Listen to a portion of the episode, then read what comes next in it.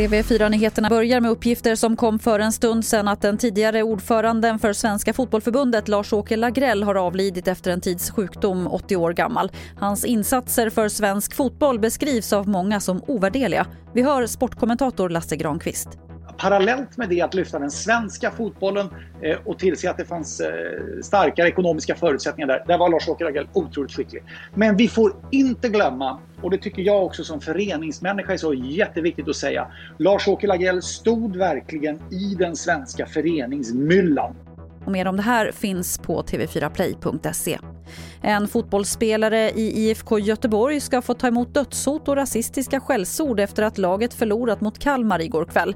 Även spelarens familjemedlemmar ska få ta emot hoten.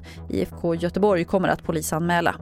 Och vi avslutar med beskedet som kom tidigare idag om att det återigen är okej att resa till Finland och även till Slovakien. Och det här gäller från och med idag. Finland meddelade nyligen att svenskar som kommer dit inte behöver isolera sig längre och det har UD tagit med i sin nya bedömning. Men UD avråder fortfarande från resor utanför EU. Det var det senaste från TV4 Nyheterna. Jag heter Lotta Wall.